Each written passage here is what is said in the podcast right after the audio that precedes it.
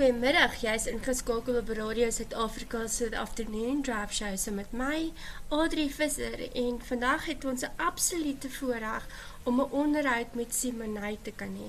Simonay, welkom by Radio Suid-Afrika. Baie dankie om my hier te hê. Dis 'n groot voorreg. Ag, jy is dierbaar. Julle sê sy is nog 'n klein dogtertjie of nou nie heeltemal klein nie, sy's 'n tiener wat nog op skool is, wat al op so vlak so baie prestasies bereik het. Maar voordat ek nou voorspring, kom ons begin met my eerste offisiële vraag. Soos ek dit verstaan, het jy 'n beroerte gehad tydens jou jou ma se swangerskap en um, dit het nou natuurlik implikasies gehad vir jou. Kan jy dalk vir ons 'n bietjie meer van dit vertel as jy nie omgee nie? Die beroerte het veroorsaak dat ek 'n breinbesering gehad het. So van kleins af het ons eers nie verstaan wat gebeur het nie, want ek het baie laat begin praat en ek het baie laat begin kruip en so ek het baie gesukkel met daai goed en toe ek 2 jaar oud was, toe was ons na troue toe. My my pa se dit se troue toe en daar was iemand wat ons gesê het iets nie reg gelyk nie want ek het baie vreemd geloop want ek my voet het heeltyd gesleep agterna en alles. Mm. En dit dis toe die eerste keer eintlik gesien het dat iets fout was en iets was nie reg nie. En met die breinbesering toe dit eintlik die geheue verloor aan die linkerkant van my liggaam. En dit het veroorsaak dat daar soos ek sukkel om te loop, ons moes baie fisioterapeute toe gaan. Ons moes vir my skokmasjienkie gekry het wat my eers help leer het om te loop. En ons moes alles oor begin het. Ons moes nuwe brein paadjies gemaak het dat ek net verstaan hoe alles werk en ek moes spraakterapeute toe gegaan het en om weer te leer om te praat want ek kon sekere letters nie uitspreek nie en daar was baie goeders wat ons moes weer terugbring wat ek moes soos leer weet omdat ek nie dit reg kon doen nie. So ja. Dis er is fyn metories, groot metories en dan natuurlik goedjies wat kinders natuurlik vroeër doen wat jy nou eers later begin doen het. Ja. OK, en wat's die naam vir daai gestremdheid? Dit dit sê dit maar ja. Dis hemiplegie. So dis dis nie so erg as cerebral palsy nie. Dis bietjie minder gestremd as cerebral palsy. Ah, OK, dit maak vir my sin. So nou maar wanneer het jy besef dat jy nou regtig van sport hou en dat jy eintlik goed is daarin?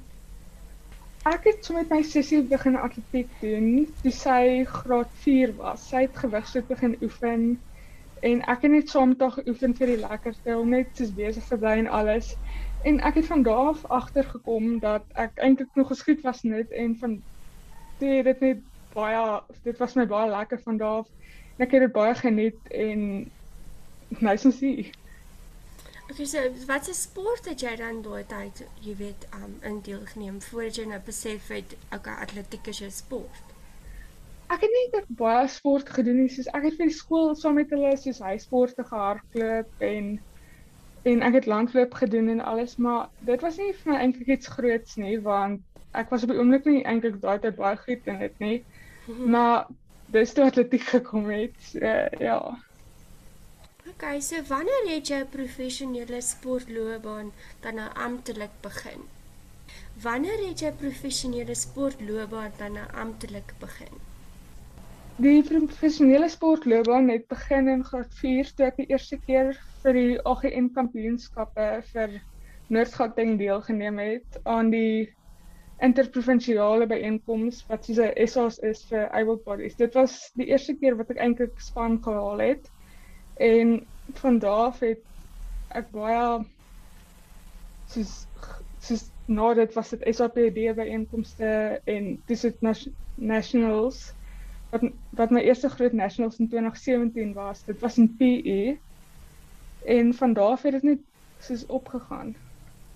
Okay, soos wat ek dit nou reg verstaan, soos wat Elsje Huys vir my so 2 weke terug in haar onderhoud verduidelik het, het elke atleet nou natuurlik 'n uh, gestremdheidsklassifikasie in hulle sport. Kan jy my meer vertel van joune en hoe ehm um, werk jou klassifikasie? Word dit aangepas of is dit nou 'n uh, vaste klassifikasie of moet jy voortdurend teruggaan dat jou weer herklassifiseer? Ek is 'n F38, so dit beteken jy is in die cerebral palsy klas. Dis 'n breinbesering soos wat ek vroeër in die onderhoud gesê het. En dit maak mos dat die liggaam bietjie probleme het soos die memory verloor aan die regterkant van my liggaam en alles. Maar dit moet jy omdat dit nie soos as jy 'n amputee is, is dit mos jou been is af, nee, groei nie terug nie of soos as jy blind is, jy kan nie jou dit kan nie verbeter kry nie. Ja. Ja. Jy kan nie sig terugkry nie. So die cerebral palsy, hulle word soos elke 2 jaar oorgeklas want soos hulle kan of verswak of verbeter. Mens weet nooit hoe die stand is van die gestremdheid nie. Okay, so wat jy eintlik sê is, um jy het nie 'n vaste klas op 'n oomblik nie en jy word voortdurend gemonitor om seker te maak dat jy nou in die regte klas is, nê? Nee. Ja. Maar dis dis nie soos hulle sê, hulle sê eintlik vir jou jy gewoonweg bly jy dieselfde klas, maar soos net om seker te maak dat hy nie verander nie, dan elke 2 jaar gaan jy vir klassifisering. Ja, dit maak vir my heeltemal sin. Soos wat Elsje ook verduidelik het, is daar's eintlik mense daar buite wat as hulle nou jy weet die klassifikasie doen maak as hulle swakker is, dan hou hulle jou eintlik ook dop om seker te maak maar ja, jy is reël, verstaan?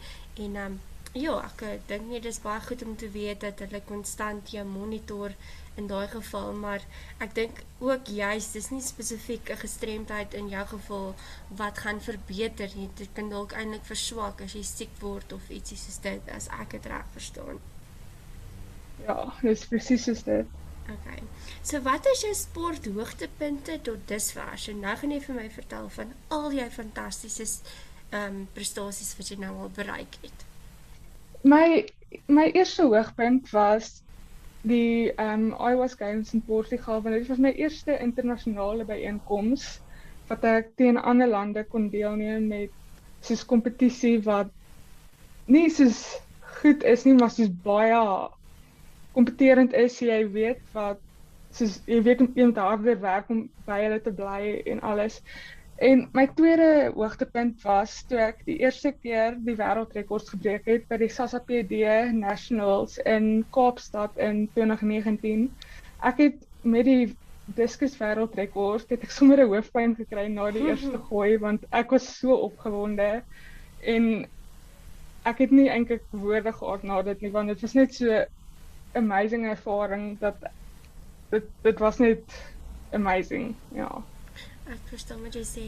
Ehm um, so van daai kompetisie, ehm um, wat sal jy die meeste onthou van alles? Was dit nou die opening ceremony of die tyd wanneer jy gehoor het hoe ver jy gegooi het of wanneer jy nou die die result gesien het van jou ehm um, prestasie? Ek dink dit was toe ek ehm um, toe ek gehoor het wat ek gegooi het want ek het op en af gespring van blydskap want ek het ons ons het baie hard geoefen om by daai afstande te kom. Ons het ons ons het omtrent nou soos 'n jaar geoefen aan mekaar. Ons het baie rustig gevat nie net om by daai afstande uit te kom en te probeer te bereik waar ek daai tyd was. En dit het die afstande het ook opgegaan en alles. Maar ek was verskriklik opgewonde omdat dit my eerste keer was wat ek die wêreldrekord gebreek het. So, ja. So dit was 'n wêreldrekord, mensies. Ja. Wel dan het sy nogals baie nederig dink ek. Uh well done Simonay. Ek het net so ver gekom as 'n Afrika rekord, daarom 6 van hulle. Um so ek dink ek kan baie trots wees op daai nou, maar jy het nou gepraat van jy het nou 'n harde jaar geoefen daarin. Kan jy my bietjie meer vertel van hoe hoe lyk jou oefenskedule? Ons oefen op die oomblik, oefen ons van maandag tot Vrydag in die week om so tussen 1 en 2 ure om net tegniek te oefen en alles. En dan op Saterdag gaan ons na ons coaches in Reinsig wat wat hulle dan die tegniek wat ons eintlik van hulle af leer dat hulle vir ons sê wat se foute ek doen en wat ek moet regmaak vir die week om my tegniek net weer mooi reg te kry en ons oefen baie hard. So ons oefen lang ure om die afstande op te kry en om goeie afstande te kry want my kompetisies op die oomblik sy afstande is baie goed. So ja. Is dit sou jy sê dat jy 'n spesifieke dieet volg of eet jy maar net wat jy wil? Ek sal sê ek eet nogal spesifieke goed want ek eet nie op die oomblik baie suiker nie. Dis net soos hmm. op dis net op verjaarsdae en goeders wat ons suiker eet en ons probeer stysel uit te sny soveel soos wat ons kan want dit breek my energie af en dit dit help nie eintlik vir oefeninge en alles nie. So ek sal sê ek weet is nog wat versigtig wat ek eet. Mens so, kan jy nie omkoop met 'n sjokolade nie, nê? ek dink nie so nie. Dalk op 'n verjaarsdag of iets maar nie nou nie. Mm, ek gaan nie nou met hoor wanneer verjaar jy.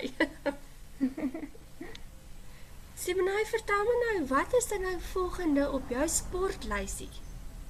Ons die volgende byeenkoms, die volgende groot byeenkoms is die Tokyo Paralimpiese spele wat in September maand gaan gebeur. Ons ons gaan vir groot prestasies soos die goue medalje daar. So en dan ek dink na dit of voor dit eintlik sal mm -hmm.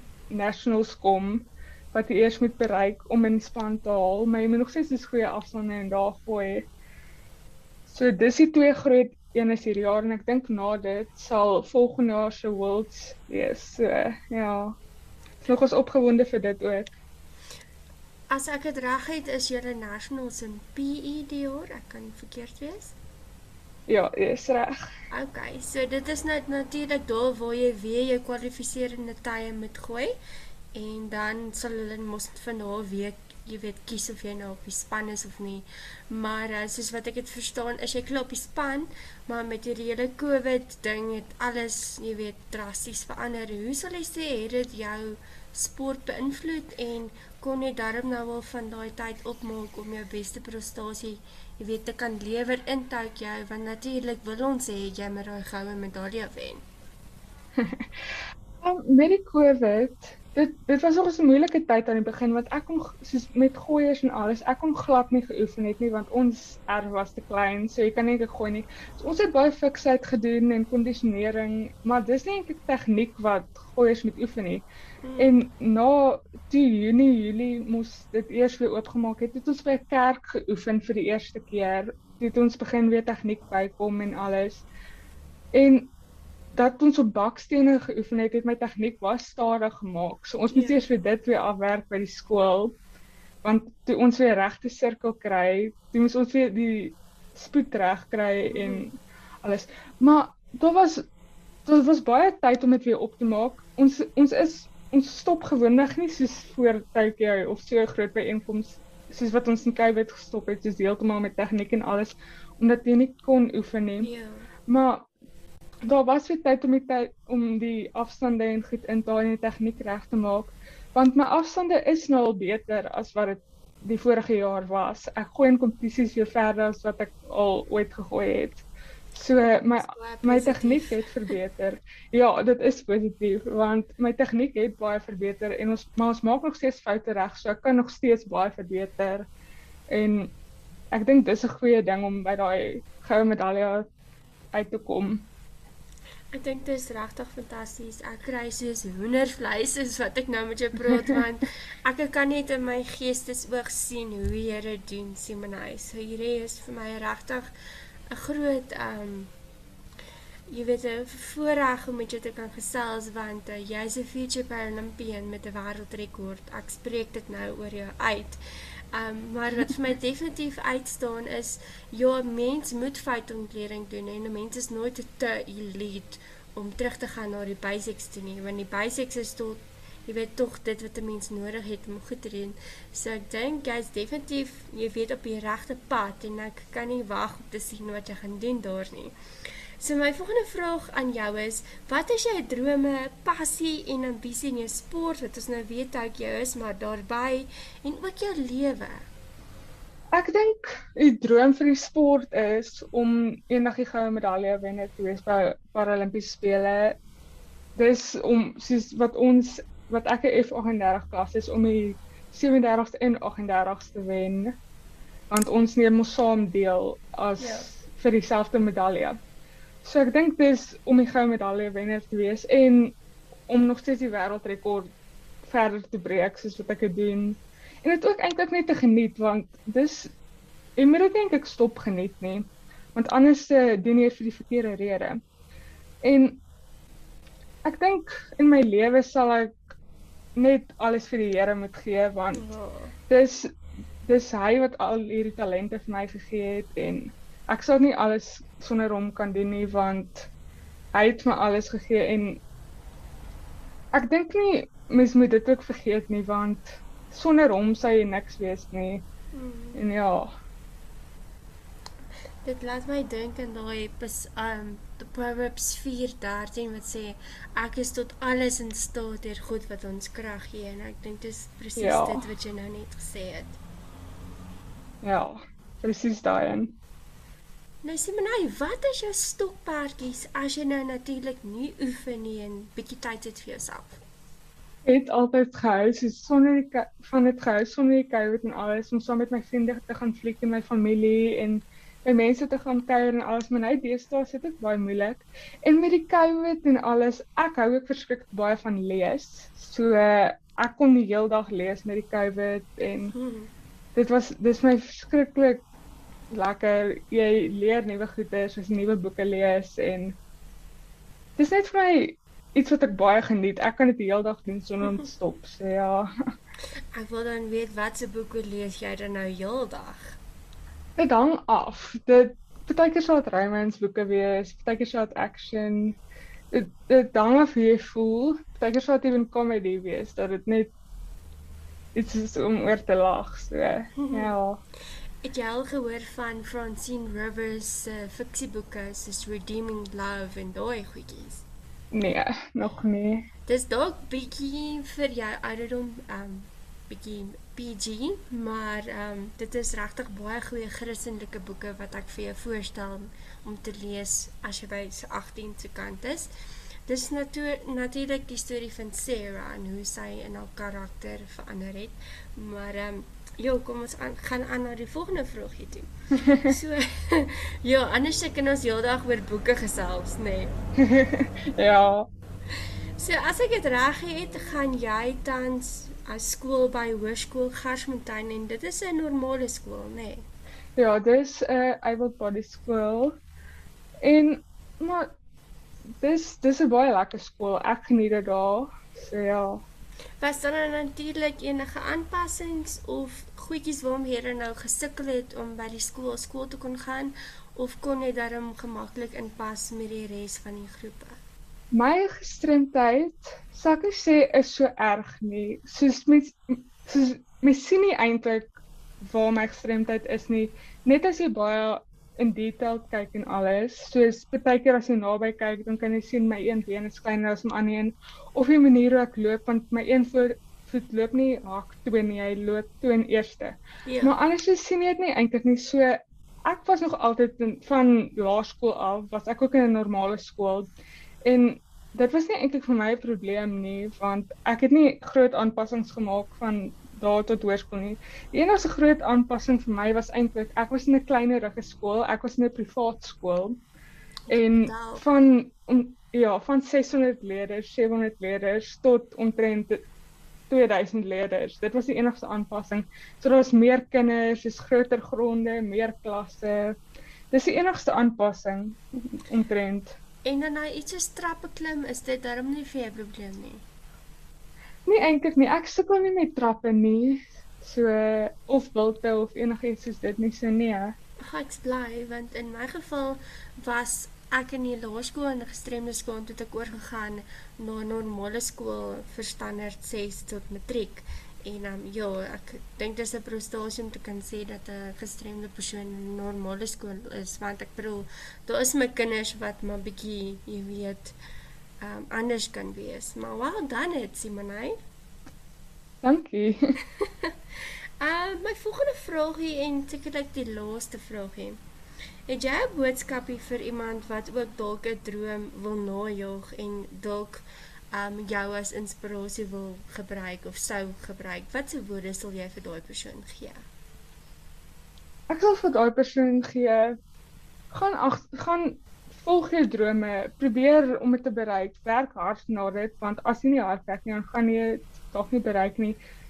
Maar as iemand vir jou sê nee, dan moenie vir hulle altyd luister en sê jy gaan as daai persoon vir jou sê jy gaan dit nie maak nie, want elke persoon kan dit bereik as jy glo jy kan. So ja. Dankie Simonai.